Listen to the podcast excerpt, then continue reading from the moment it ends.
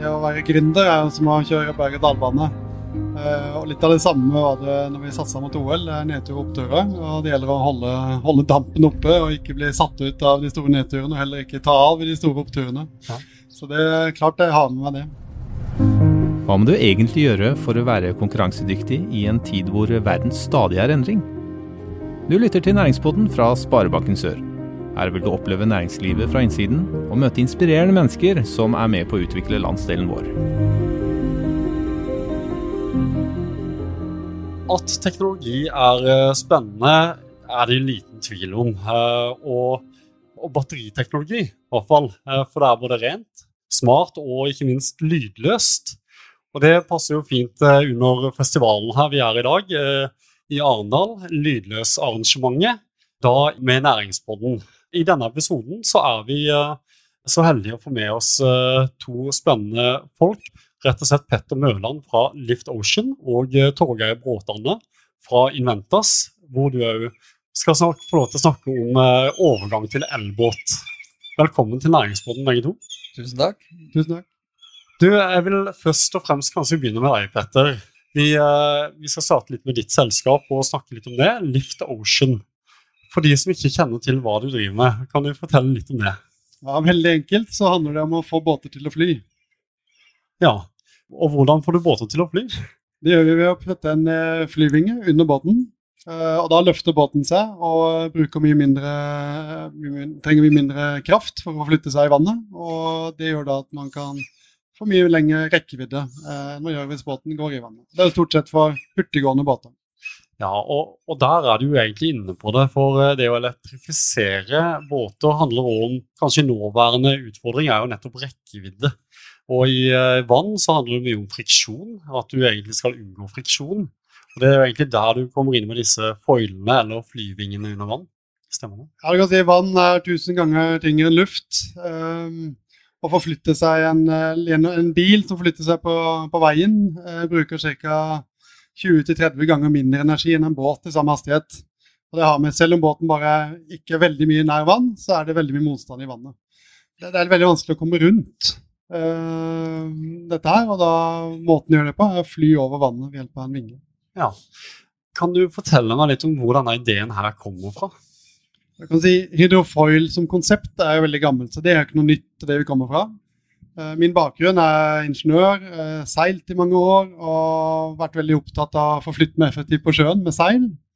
Og den inspirasjonen eh, ønsker jeg nå å ta over til motorbåt. Og da kalle grønnifisere hurtiggående båter ved hjelp av hydrofoil. Ja. Kan du fortelle meg om tidspunktet? Var det sånn et aha-moment? Du har seilt i mange år, sier du. Og det å bare etter, fra en seilbåt og en hydrofoil til å liksom ta det over i et nytt konsept, som du egentlig forsøker å gjøre noe med Lift Ocean. Hadde du et aha-moment? At dette her, eh, det er sånn vi skal gjøre det? Uh, nei, det er vel det aha-momentet strekker seg over kanskje to år.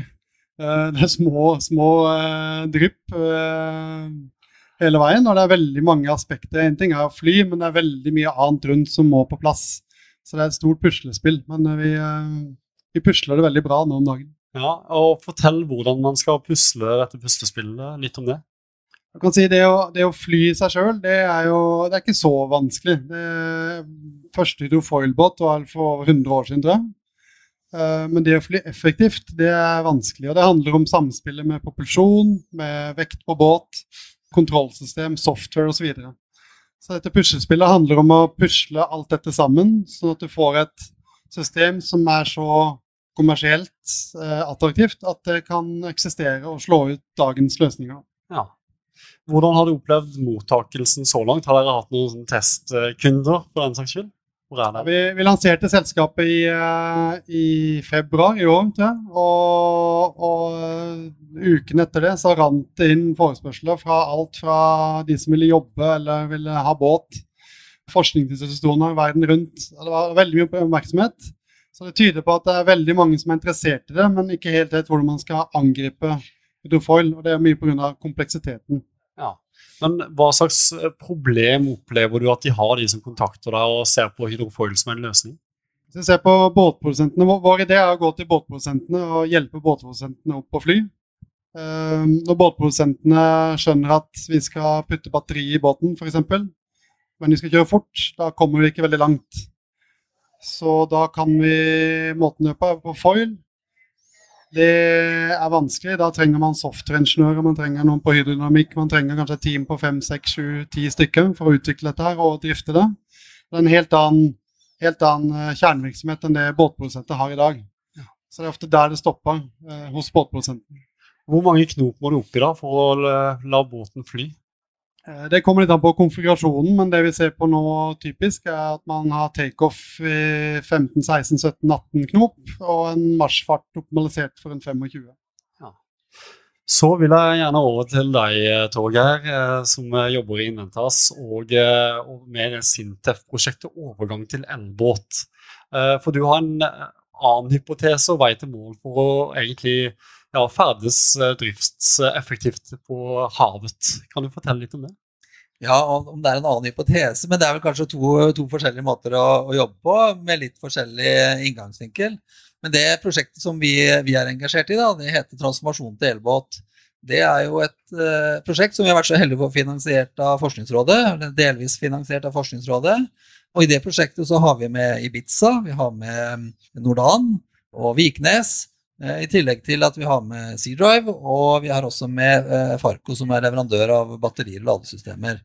Eh, og det prosjektet her skal jo jobbe med egentlig det å ta fram, ta fram nye båter, faktisk. Mens i utgangspunktet her så jobber vi med båter som, som, ikke flyr, altså båter som beveger seg i sjøen. Men vi jobber da med optimalisering av skrog. Hvordan kan vi lage så lettrevne skrog som mulig? Eh, og bruke minst mulig energi da, når vi beveger oss i vannet, men fortsatt er nede på vannet. Eh, så, så, det er klart, vi ser jo her nå primært på hva skal vi si, eh, fartsområdet fra, fra hva skal vi si, null da, til en, kanskje 15-18 knop. Altså før du egentlig kommer for høyt opp i vannet. Og kanskje mest i liksom enda sånn 7-8-10-12 knops fartsområde. Da. Mm. Så det er det vi har valgt å fokusere på i dette prosjektet. I tillegg til at vi også jobber med, med utfordringer med regelverk, eh, som jo på en måte ikke er rigga helt for dette enda. Vi mangler en standard på litiumbatteri, så der har vi hatt et godt samarbeid med Sjøfartsdirektoratet på hvordan vi kan håndtere de utfordringene. Eh, det er viktig oppi det hele. For i det øyeblikket Det er liksom lett å tenke seg at det er ikke så farlig bare å sette en båt ut i markedet, men for en båtprodusent som plutselig eh, som ikke setter én båt ut i markedet, men de setter 50 båter ut i markedet i løpet av kort tid. Og da må du ha orden i synssakene, altså. Hvis ikke, så, hvis ikke så risikerer du tilbakekalling. Så det er jo en veldig viktig og utfordrende del i det her teknologiskiftet vi jobber med. At vi må på en måte, vi må ha orden i papirer og alle disse tingene, eh, sånn at vi, at vi, gjør de riktige tingene. da. Og en ting er jo her i Norge, Vi hadde en liten prat før vi starta podkasten her om eh, regulering og utenfor Norge. Ja. Kan du ikke ta og, og gi litt innsikt? Jo da, Vi snakka jo egentlig litt om det, hvilket marked det er for båter som forurenser lite. og det er klart at det, Vi er jo veldig flinke og veldig glad i elektriske ting i Norge, men det er klart nedover i Europa med kanaler og, øh, og, og alle de innlandsvannene de har, så, så, jobber de jo også med dette. og det er klart at Der ligger det et stort marked for norske båtprodusenter og leverandører av teknologi øh, til disse områdene, der de i dag allerede har strengere reguleringer enn det vi har her hjemme. Ja. Så det er gode muligheter. I, uh, i den, det prosjektet du holder på med nå, du, hvilke, hva er de største utfordringene som man på en måte må løse, opplever du? Nei, altså utfordringene, tenker jeg altså Det er jo kombinasjonen av å få til gode tekniske løsninger med en riktig pris. Og det er jo på en måte fordi at vi er jo liksom i starten på utvikling av teknologi, og i dag så så er konsekvensen av det å lage en, eh, en elektrisk båt um, med litt fartspotensial, det blir dyrt. Og det er fordi at batterier er dyrt, og det er dyrt med de installasjonene som vi skal gjøre. Hvis vi ser på uh, noen av de båtene som ligger her, det som er utstilt her i dag, som har et litt høyere fartsområde, så, så, koster det veldig mye. Og det er klart at den uh, hydrodriften med en Evoy 150 på, en, som er en veldig morsom båt, den koster, ut fra det jeg har lest, 1,6 millioner. ikke sant? Og det er jo da en, kanskje 800 000-900 000 mer enn den hadde gjort med en poengsmotor. Og Det betyr at det er jo en markedsmessig utfordring. Men vi er jo som sagt, vi må huske på at vi er i begynnelsen på et løp som, som kommer til å ta litt tid. Jeg tror i hvert fall ikke dette går lynende raskt. og Det er fordi at Eh, vi, skal, altså, vi må klare å produsere dette til en pris som, som markedet vil ha da, etter hvert. Så, så det, er noen, det, er noen, utfordringer på veien her. Hvor lang tid tror du det tar før man ser at dette her blir vanlig hyllevare, og markedet ønsker å, å faktisk kjøpe det? Nei, altså jeg tror at altså, eh, det finnes et marked for de båtene som kommer nå. Eh, ikke sant? Eh, det tror jeg det finnes. Mm. Men du kan si jeg tror, tar, jeg tror, nok det tar ganske mange år før det på en måte overtar det store antallet. Hvis en så denne Klimakur-rapporten som kom fra staten i, i, i, fjor, de hadde jo liksom en prognose på at i 2030 så solgte de 2000 nye elektriske elbåter i året. Og det er klart at man kan spørre seg, er det mye lite. Det var i Norge, selvfølgelig. Nei, det er kanskje et bra tall. Det, det Jeg syns jo ikke det høres så galt ut. Men det er klart det påvirker jo hvor fort skiftet går. Så, så, men det, det, er jo sånn det er. Vi skal innføre ny teknologi, og vi skal jobbe med nye ting. Og, eh, og, dette, og vi er jo helt avhengig av å høste fra den teknologien og, bil, og bilverdenen, egentlig. Da. For det er klart at de er jo driverne, spesielt på batterisida, selvfølgelig. Mm. Hva er det du håper eh, blir utfallet av dette forskningsprosjektet dere nå er i ferd med å starte, da, eller i startgropen av? Ja. Nei, altså jeg er jo Vi, det, vi kommer til å ha en elektrisk Ibiza-båt. eh, og vi har, kommer nok til å ha tatt fram hybridløsninger for, eh, for de litt større fartøyene som er med i prosjektet, og har jobba ut løsninger for det sammen med leverandører rundt forbi i landet osv. som kommer til å være å flyte på sjøen. Så resultatet av et sånt prosjekt vil jo være kommersielle produkter som, blir, som er salgbare. Du, Over til deg igjen, Petter. Vi var litt inne på utfordringer. Eh, og du har jo eh, vært mye på sjøen og på seilbåt eh, opp igjennom, vet jeg. Og det handler jo om å takle både med- og motvind. og det Er jo litt sånn, er det noe av det du tar med deg over i det å starte en ny virksomhet? Uh, ja, du kan si det å, det å være gründer er som å kjøre berg-og-dal-bane. Uh, og litt av det samme var det når vi satsa mot OL. Det er nedtur og oppturer. Og det gjelder å holde, holde, dampen oppe og ikke bli satt ut av de store nedturene, og heller ikke ta av i de store oppturene. Ja. Så det er klart jeg har med meg det. Du, um, fortell litt om forretningsmodellen deres, Petter. Ja, som sagt så, så ønsker vi å få båter til å fly. Det er på en måte det øverste nivået, visjonen vår. Og så er vi i en oppstartfase. Vi må se litt hvor landskapet ligger. Uh, som tar inn på Det er ny, ny industri, ny bransje. Uh, vi vet kanskje ikke helt driverne, hva tenker båtprodusentene på osv. Så, videre.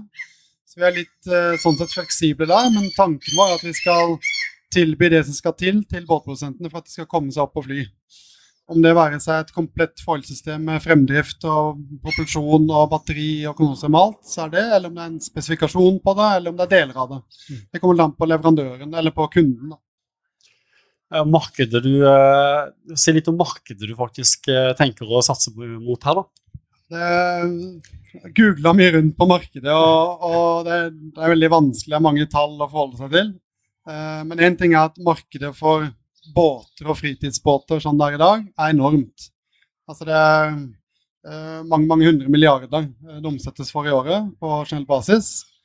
Og så kan du si for Hydrofoil fins ikke i dag, så man, okay, hvor, hvor, stort er det? Det vet vi ikke helt. Men hvis man tar alle hurtiggående båter og sier at en andel av det skal på foil, så er det en, eh, et kjempe, kjempestort marked.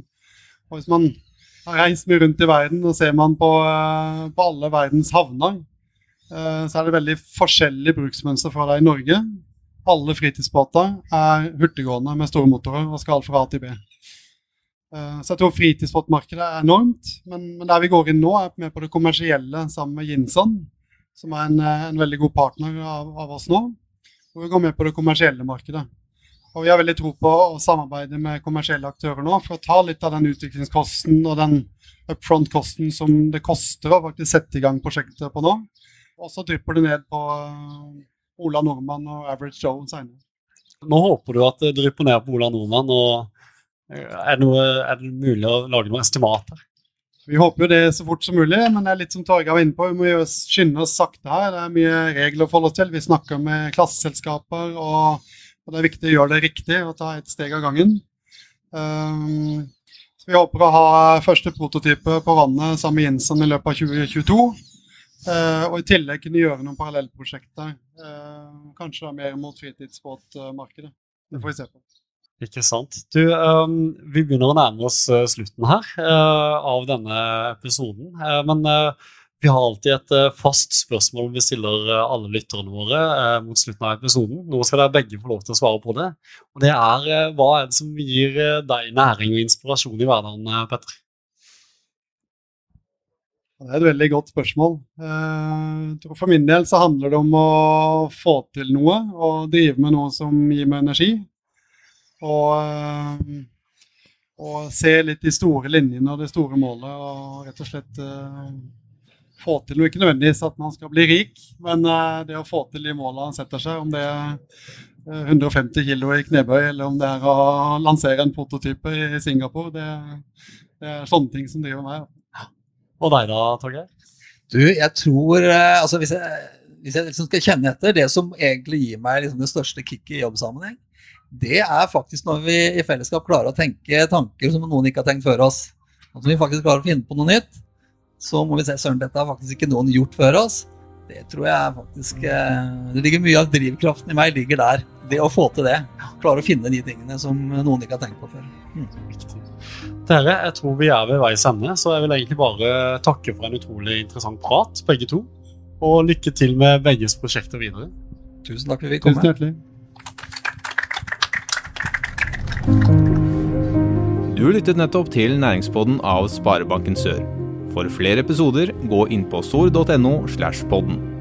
Her kan du gi ris eller ros, samt tips til andre næringsdrivende vi bør intervjue.